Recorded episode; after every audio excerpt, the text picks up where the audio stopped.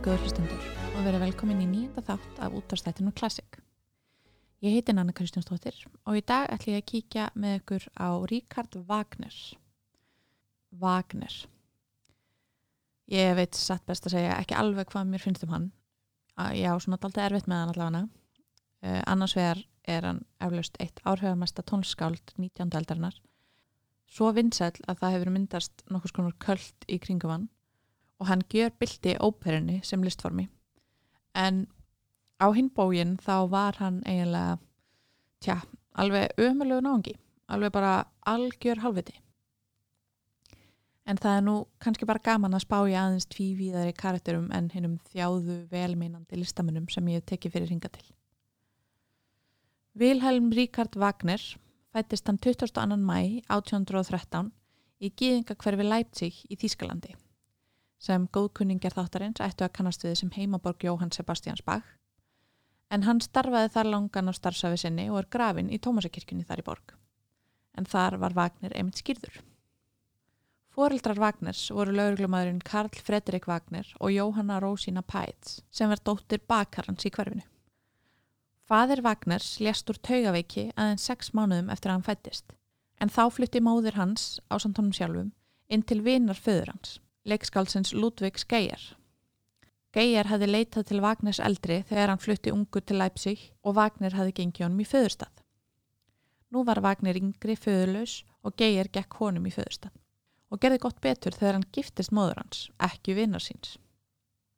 Þau flutti saman til Dresden og Vagner gekk fyrstu ár æfisinnar undir nafninu Vilhelm Ríkard Geijer.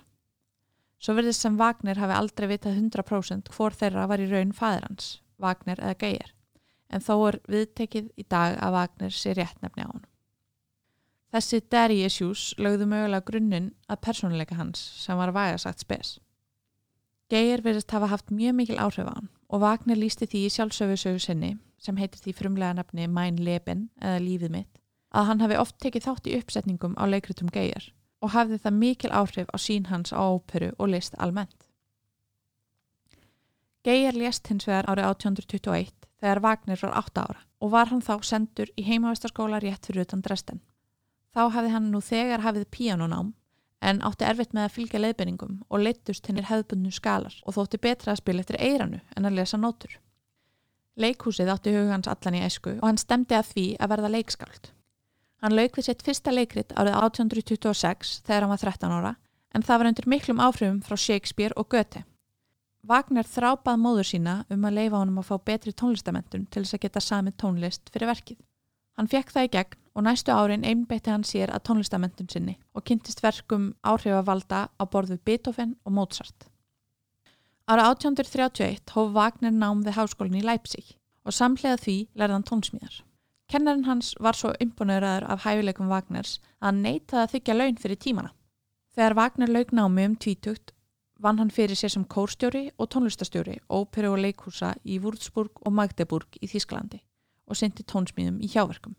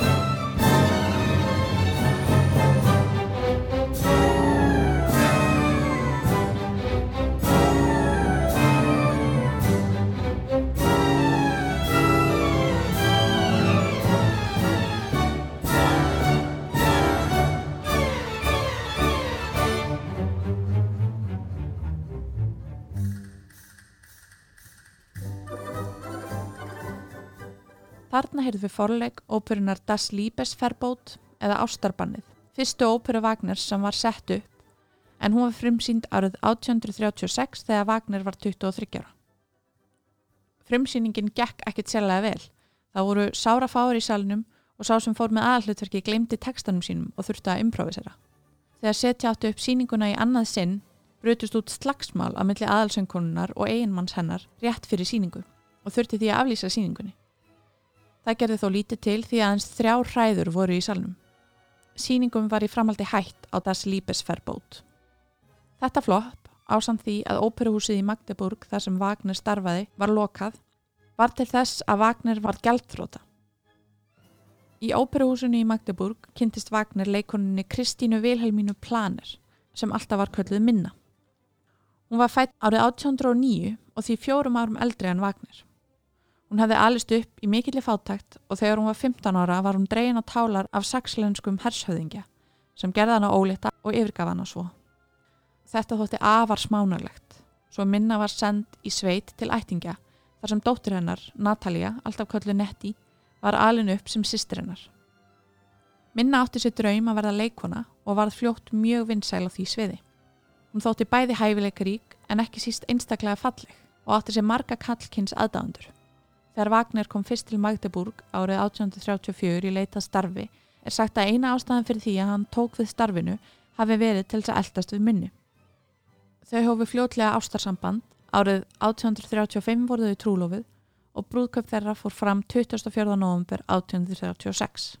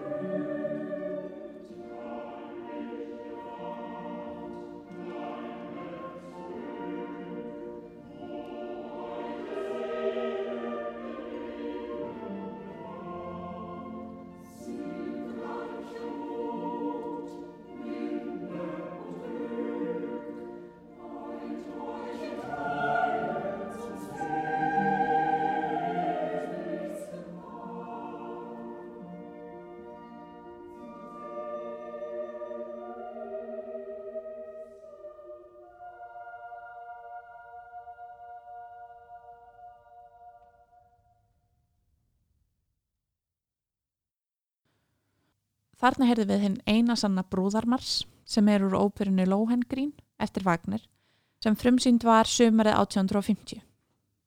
Samband minnu og Wagners var ákaflega stormasamt, svo ekki sem meira sagt. Strax í upphafi rifist þau eins og hundur og köttur, yfirleitt út af öfunnsíki Wagners og rifrildin enduðu stundu með því að minna yfirgaf Wagner og yfirleitt eldi Wagner hana með skottið á milli lapana. Ástandið var svo alvarlegt að þau nakk rifist meira segja fyrir framann prestin í sjálfur brúðköpsatöfninni þeirra. Minna hefur eflust séð fyrir sér að það erði þessi virði að díla við þannan öfundsjúka fausk þar sem að það að giftast upprennandi tónskaldi myndi eflust hafa í för með sér velmegun, öryggi og virðingu samborgara þeirra. En bói og bói hafði hún rand fyrir sér. Eftir að þau giftust eitti minna meiri hluta tíma síns í að reyna að leysa úr skuldaflækjum sem Wagner hafi komið sér í. Flestar hverjar voru frá því áður en þau kynntust. Hún var sjálf mjög eftirsótt leikona og hafði góðar tekjur af því, svo að hún varð aðal fyrirvinna heimilisins, sem týðgæðist heldur betur ekki í þá dag. Þetta á samt óbærilegri öfundsíki og afskiptasemi Wagners var til þess að hún fekk nóg og gaf Wagner loksins eitthvað til að hafa alvöru áhyggjur af þegar hún hljófst á brott með businessmanniða nafni Dietrich snemma árs ára 1837 og snýr ekki eftir til Wagners fyrir í oktober eftir að Wagner hafi grátt beðana um að skipta um skoðun.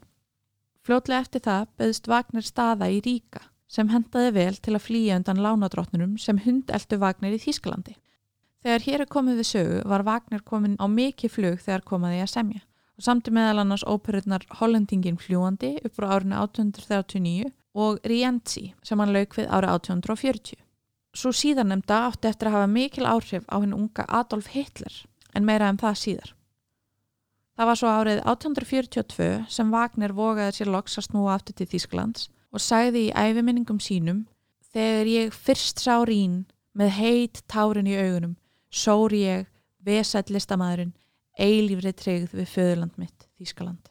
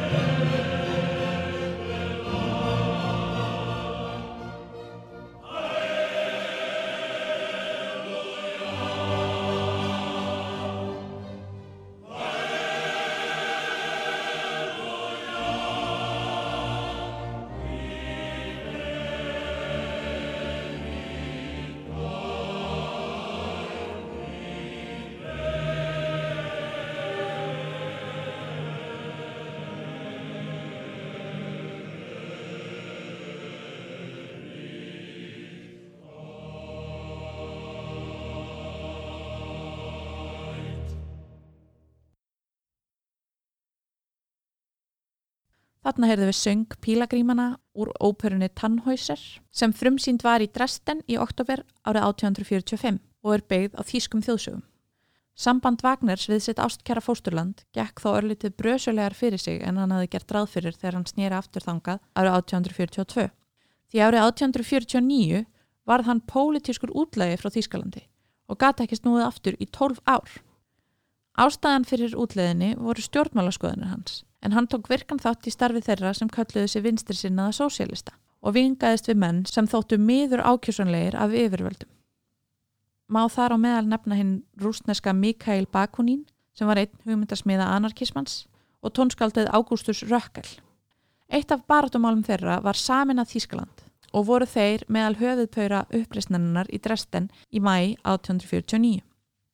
Sú var brotin á bakaftur og voru þeir sem að henni stóðu og stuðningsmenn þeirra, þar meðal Vagner, nettir til að flýja land. Vagner endaði í Sörík í Sviss þar sem hann hafið það temmilega glatað. Einangraður frá tónlistarsinnu Þýskalands og tekilaus með öllu. Minna var gjörsamlega bandóð út í einmann sinn. Enda var hann komin í mjög góða stöðu í Dresden. Orðin kapelmæster, farin að abla almennilegra takna og þau hjónin loksins orðin ráðsett og örug. Svo þurfti Vagner endilega að eðlega það allt með því að vingast við einhverja byltinga sinna.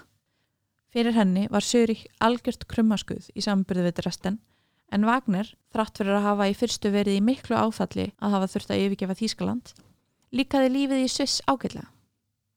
Hann var allavega hrifin af kvennfólkinu, minnstu munið að hann hliprist á brott með 21 árskamalli eiginkonum kuningir síns. Vagner heitlaðist líka náttúrunni í kringum hann og fyltist andagift innan hennar svissnesku fjallasala. Árin 1857 til 1859 samti hann eitt sitt frægasta og áhrifamesta verk, Tristan og Ísolt, sem byggt er á ódöðlegum sögum um forbóðna ást millir rittarans Tristans og Ísoldar, sem var írsk prinsessa nú þegar trúlofið öðru manni. Við skulum heyra hér upphafið af forleg óperunar, en fyrsti hljómur hans hefur verið kallaður Tristans hljómurinn og þykir alveg hreint magnaður og var nótkunnin á honum í þessum forleg einstök á sínum tíma.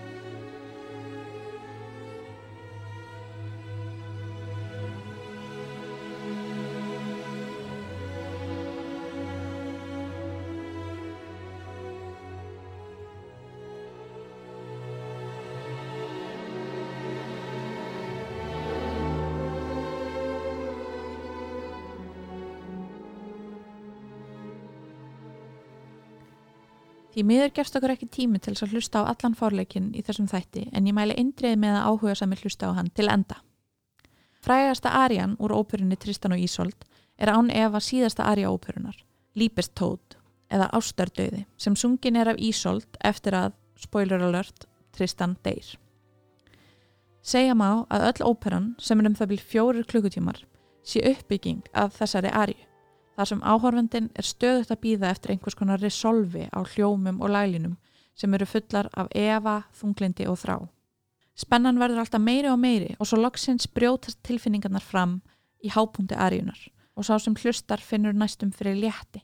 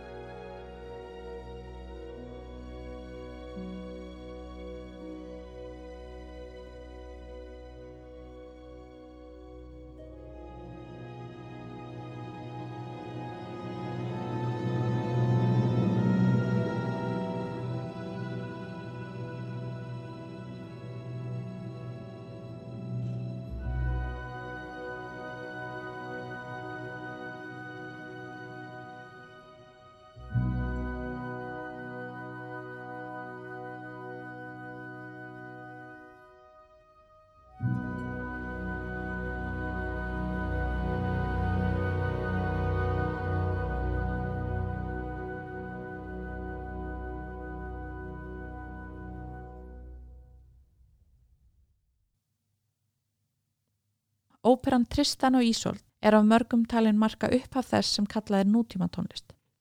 En Wagner var ekki bara að semja tónlist í Sviss, heldur samtan líka nokkra rítgerðir sem hann gaf út. Þar að veru þrjár sem vöktu mesta aðtegli. Þær tvær fyrri voru Die Kunst í Revolution og Das Kunstwerk der Zukunft sem fjöldluðu helst um hlutverk listar í samfélaginu og hefði fullkomna listaverk sem Wagner kallaði gesamt kunstverk eða allsherjarlistaverk. Þetta allsherjarlistaverk átti ekki að vera bara tónlist eða leiklist eða ljóðlist eða myndlist heldur smá af öllu og hann samti óperuna sínar eftir þessari pælingu. Hann vildi hafa stjórn á öllum listrænu þáttum ópera sinna og skapa þannig ekki bara tónverk heldur allsherjarlista upplifun. Hann var einstaklega góður dramatisti eða leikskáld og samti ekki bara stórfenglega tónlist heldur samti leikþætti verka sinna líka og afurðin eru hughrif sem eru lefili fyrir ofan hinn að hefðbunna óperu þar sem tónlistin byrja líkil hlutverk en sögurþráður og persónusköpun eru aukatrið. Wagner þóldi ekki hinn að hefðbundna óperu, hann vildi reyna og klára list strípaða af tilgerð sem hann sæði hinn á hefðbundnu óperu vera vaðandi í. Í upphafi ætlaði Wagner fyrst og fremst að verða leikskáld og er ímislegt sem bendi til þess að honum hafi þótt sá hluti verka sína mikilvægar en tónlistin eða allavega jafn mikilvægur. Sem dæmi lagði hann mikið upp úr því að hljómsettin væri í grifju þar sem áhörundur sæjan ekki þegar verkinans voru flutt til þess að hljómsettin drægi ekki aðtöklina frá því sem var að gerast á sviðinu. Svo síðasta af þessum þrem rítgerðum ber heitið Das Judentum in der Musik eða Gýðingdómur í músík og þeim megi giska hversu uppbyggilegt það reyt er. Til að gera langarsögu stutta þá ofinberar Vagnar sig sem alveg hreint sjóð heitan gýðingahattara og raunar í þessari guðisvóluður rítgerð yfir gýðinga yfir höfuð og þá sérstaklega þá sem eru að hans mati að menga tónlistarmenningu Þýskalands með verkum sínum. Þá á hann meðal annars við snillingin Felix Mendelssohn sem hefur komið fyrir hérna hjá okkur áður og góðkunninga sinn Giacomo Meyerbeer sem var líklega eitt frægasta tónskaldið á þessum tíma þó hann sé eftir vil ekki jafnþektur og Mendelssohn í dag sem hafði að þér viðist reynst Wagner mjög vel þegar hann hafði átt erfitt á árum áður. Það er erfitt að sjá hvers vegna Wagner ákvaða ráðast á kollega sína á þennan máta, mögulega bara af því að hann var öfundsjúkur. Hann var fullur af annarlegum hugmyndum um gýðinga, saði meðal annars að ef hann vissi af gýðingi í herbygginu þá fengi hann líkamlegt ógeðsviðbrað. Þó svo að gýðingahatur hafi því miður verið að einhverju leiti viðurkent í Þýskalandi á þessum tíma að máta sem okkur er óskiljanlegur í dag þá verði ég að segja að ég fæ einlega líkamlegt ógeðis viðbrað af því að lesa það sem vall upp úr kallinum og þessar yfirlýsingar hans hafa rýrt orðspór hans til frambúðar. Þetta vekur upp hérna síkildu Woody Allen Chris Brown dilemmu. Er hægt að njóta listar listamannsins ef listamæðurinn er eða var vond manneske? Ætli hver og einn verð ekki að gera það upp við sig en það var þó einn maður sem kunni vel að meta þessar skoðanir Vagnars. Það var Adolf nokkur Hitler.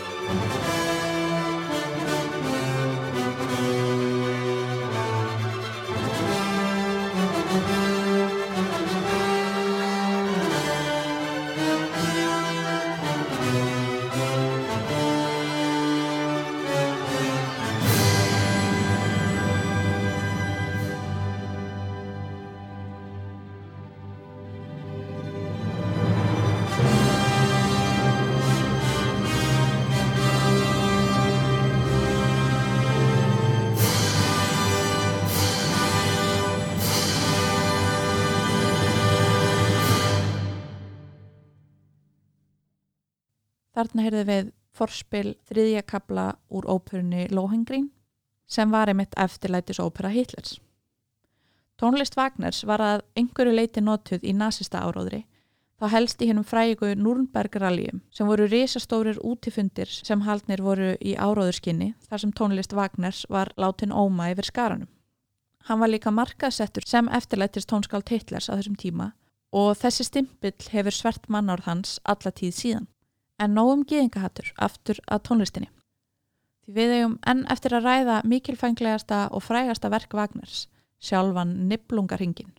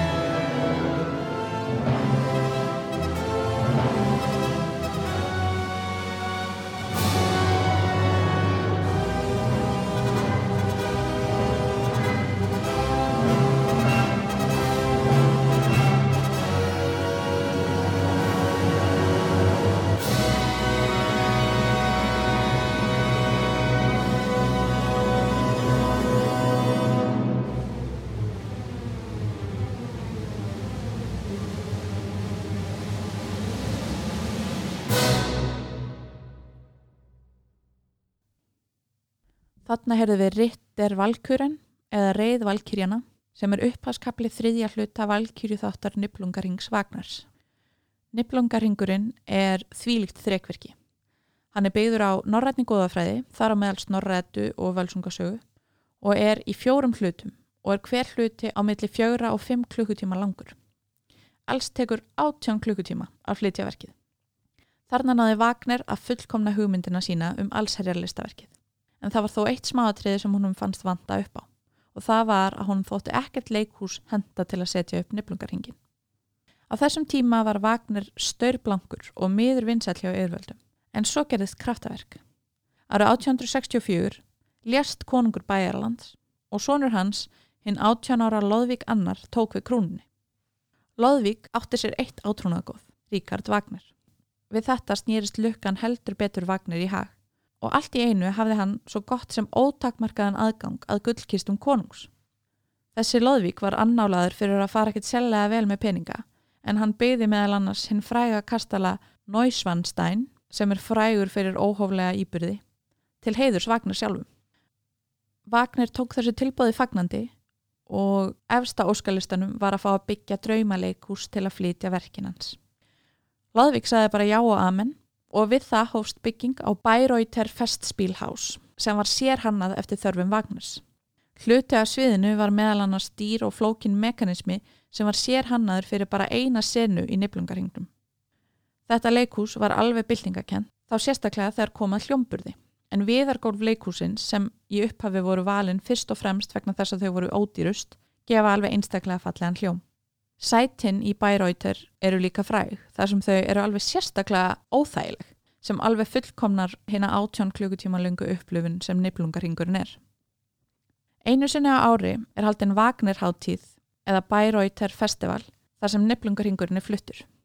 Það er hvorki meirinni minna en sjö ára bygglisti eftir miða á þessa háttíð. Wagner virðist nefnilega ná einhverju ótrúlegu takja á fólki, sérstaklega miðaldra kallmönnum. Þeir hreinlega tilbyðjan Ég er til dæmis ekki vissum að pappi minn verði sérstaklega ánaður með neikvæði myndina sem ég hef dreyið upp á Vagner í þessum þætti. En ég verð þó að gefa hann það að tónlistin hans er stórkosleg, hvernig svo sem maður hann var. Svo er það held ég daldi þannig með Vagner að því meira sem maður hlustur á hann því betur kann maður að meta hann. Svona áunin smekkur, maður þarf kannski að vera orðin 50 ára til þess að hafa hlusta nóg á hann. Það er líka þvílít þólinn með þess verk að hlusta á sumta verkunum hans kannski er 15 mínúna verk 14 mínúna uppbygging að einu reyndar kviðdómlegu klímaksi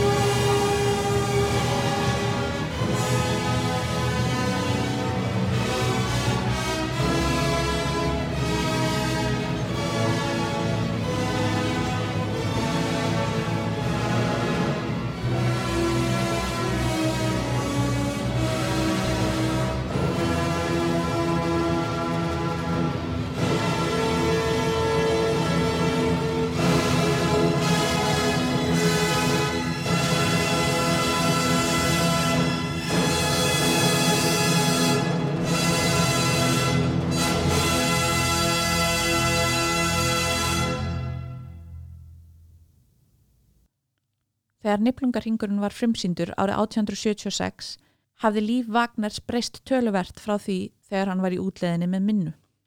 Þau minna hefðu slitið öllum samskiptum í kringum árið 1857 en minna dó árið 1866. Wagner mætti ekki í jæraðförun hennar. Hann var þá þegar byrjaður í sambandi með annari konu sem hétt Cosima sem var dóttir Frans Liszt sem var vinur Wagners og einni Chopin sem fjalla varum í síðasta þætti. Þau kynntust þegar þáverandi eiginmaður Cosimu, Hans von Bülow, stjórnaði hljómsutinni á frimsýningu á óperu Wagners Tristan og Ísolt. Fljótlega eftir það egnaðist Cosima barn, en úps, það var ekki barn von Bülows, heldur Wagners. Freka vandræðilegt. Þetta er þá í minnstakosti annað skiptið sem Wagner kokkalor gæja á stuttum tíma. Því áður en hann kynntist Cosimu hjælt hann við Matilde Vesendong sem var hardgift og það sem meira er velgjörðamanni Wagners. Hversu klassi? En hann druslæst til þess að halda sig við Cosimu það sem eftir var, svona allavega að mestuleiti og þau gifti sig árið 1870 þegar Wagner var 57 ára og Cosima 33 ára. Saman egnuðistu þrjú börn. Ríkard Wagner lést árið 1883 þá 69 ára gamal eftir að hafa fengið hjarta áfall. Sagan segir að hann hafi fengið hjarta áfall við að rýfast við Cosimu sem grunaði hann um að hafa átt í ástarsambandi við hérna 23 ára gamlu Carrie Pringle en þá var Wagner þrísasunum eldri en Carrie. Við getum huggað okkur við það að hún var allavega ekki gift.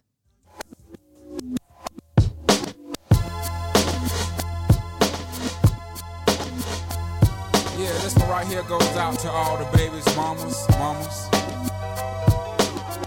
Mamas, mamas. Baby mamas, mamas. Yeah, go like this. I'm sorry, Miss Jackson. Ooh, I am for real. Never meant to make your daughter cry. I apologize a trillion times. I'm sorry, Miss Jackson.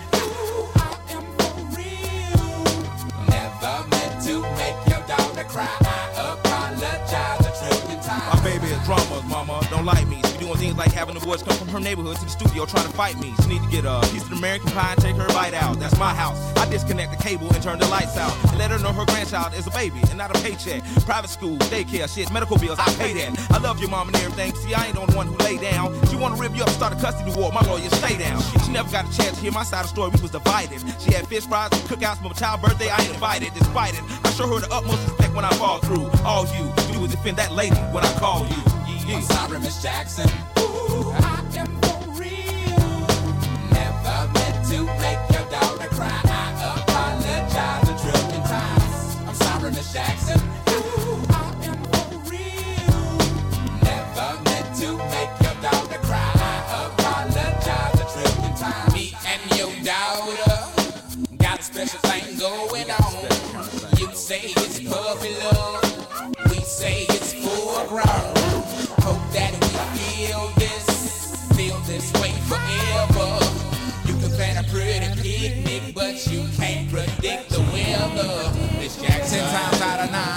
up around.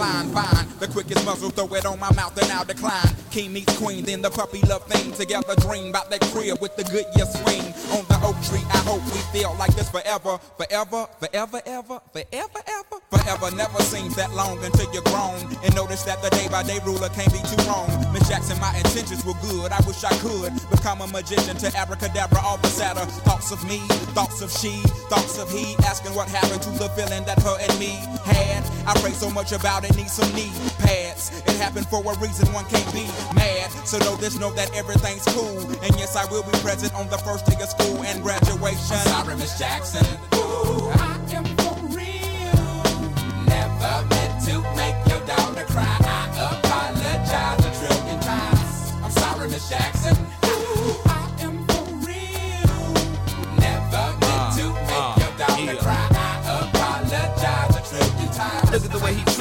Shit, look at the way you treat me. You See your little nose ass homegirls and got your ass sent up the creek, G. Without a pad on, you left the straddle and ride this thing on out. And the union girl ain't speaking no more, cause my dick all in, I'm out. I'm talking about jealousy, infidelity, envy, cheating, beating, and the into the G, they be the same thing. But who you placing the blame on? You keep on singing that same song. Let bygones be bygones, you can go and get the hell on you and your mom. I'm sorry, Miss Jackson. Ooh, I am for real. Never meant to make your daughter cry. Jackson. I am for real. Never meant to make your daughter cry. I apologize a trillion times. I'm sorry, Miss Jackson. I am for real. Never meant to make your daughter cry. I apologize a trillion times. I'm sorry, Miss Jackson.